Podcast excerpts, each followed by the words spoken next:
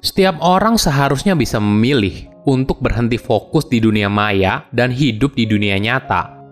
Halo semuanya, nama saya Michael. Selamat datang di channel saya, Si Kutu Buku. Kali ini saya akan bahas buku Digital Minimalism karya Cal Newport. Sebelum kita mulai, buat kalian yang mau support channel ini agar terus berkarya, caranya gampang banget. Kalian cukup klik subscribe dan nyalakan loncengnya Dukungan kalian membantu banget supaya kita bisa rutin posting dan bersama-sama belajar di channel ini.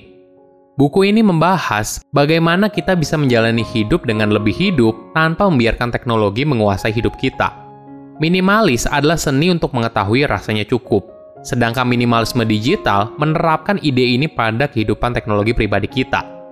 Ini merupakan kunci untuk menjalani kehidupan yang fokus di tengah dunia yang semakin bising. Perlu dipahami, teknologi pada dasarnya tidak baik ataupun buruk.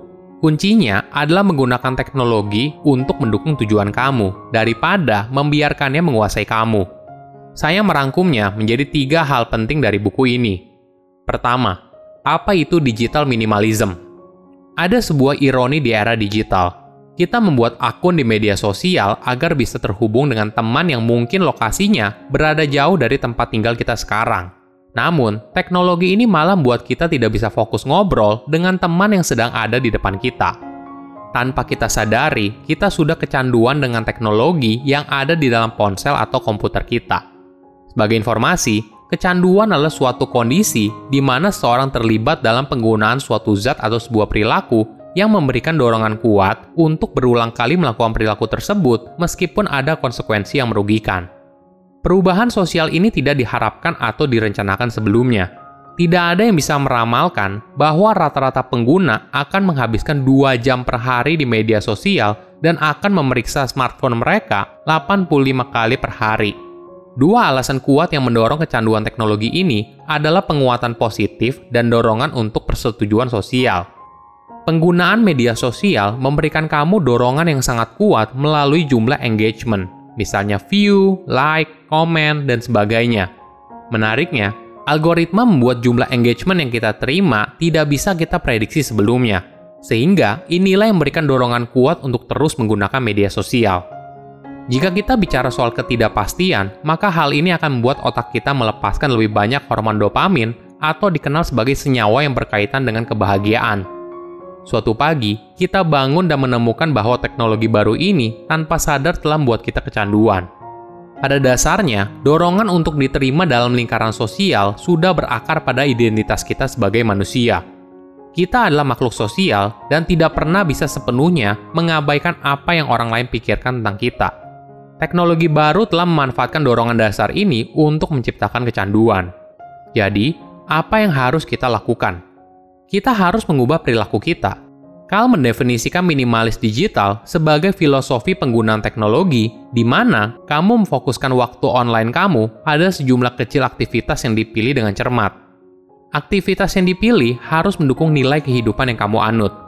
Orang yang menjalankan minimalisme digital ada di sekitar kita. Mereka merupakan orang yang dapat melakukan percakapan panjang tanpa sering kali melirik ponselnya. Mereka bisa terlarut dalam membaca buku, mengerjakan proyek yang mereka sukai, atau lari pagi yang santai. Mereka dapat bersenang-senang dengan teman dan keluarga tanpa dorongan obsesif untuk mendokumentasikan pengalaman tersebut. Mereka selalu up to date soal informasi, namun tidak merasa kewalahan atas banyaknya berita yang mereka baca. Mereka juga tidak mengalami perasaan takut ketinggalan karena mereka sudah tahu kegiatan apa yang mampu memberikan makna dan kepuasan. Kedua, memulai digital declutter.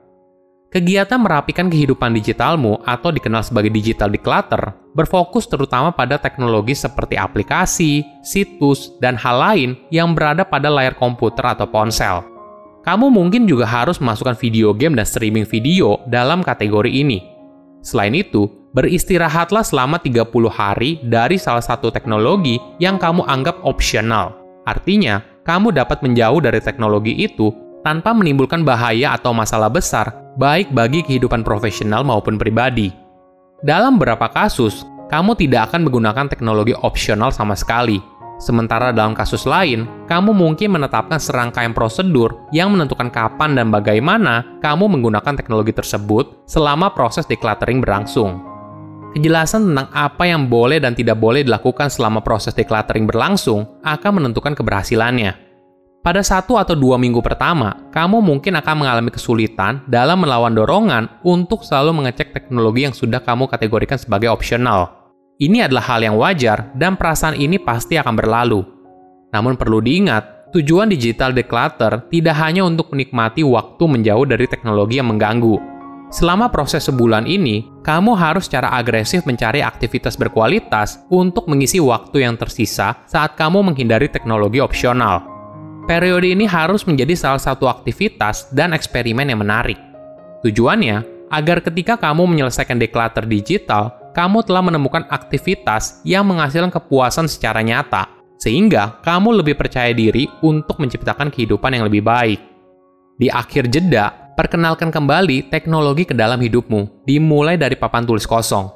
Untuk setiap teknologi yang kamu perkenalkan kembali, tentukan nilai tambah apa yang bisa diberikan ke dalam hidupmu dan bagaimana kamu bisa menggunakannya secara maksimal.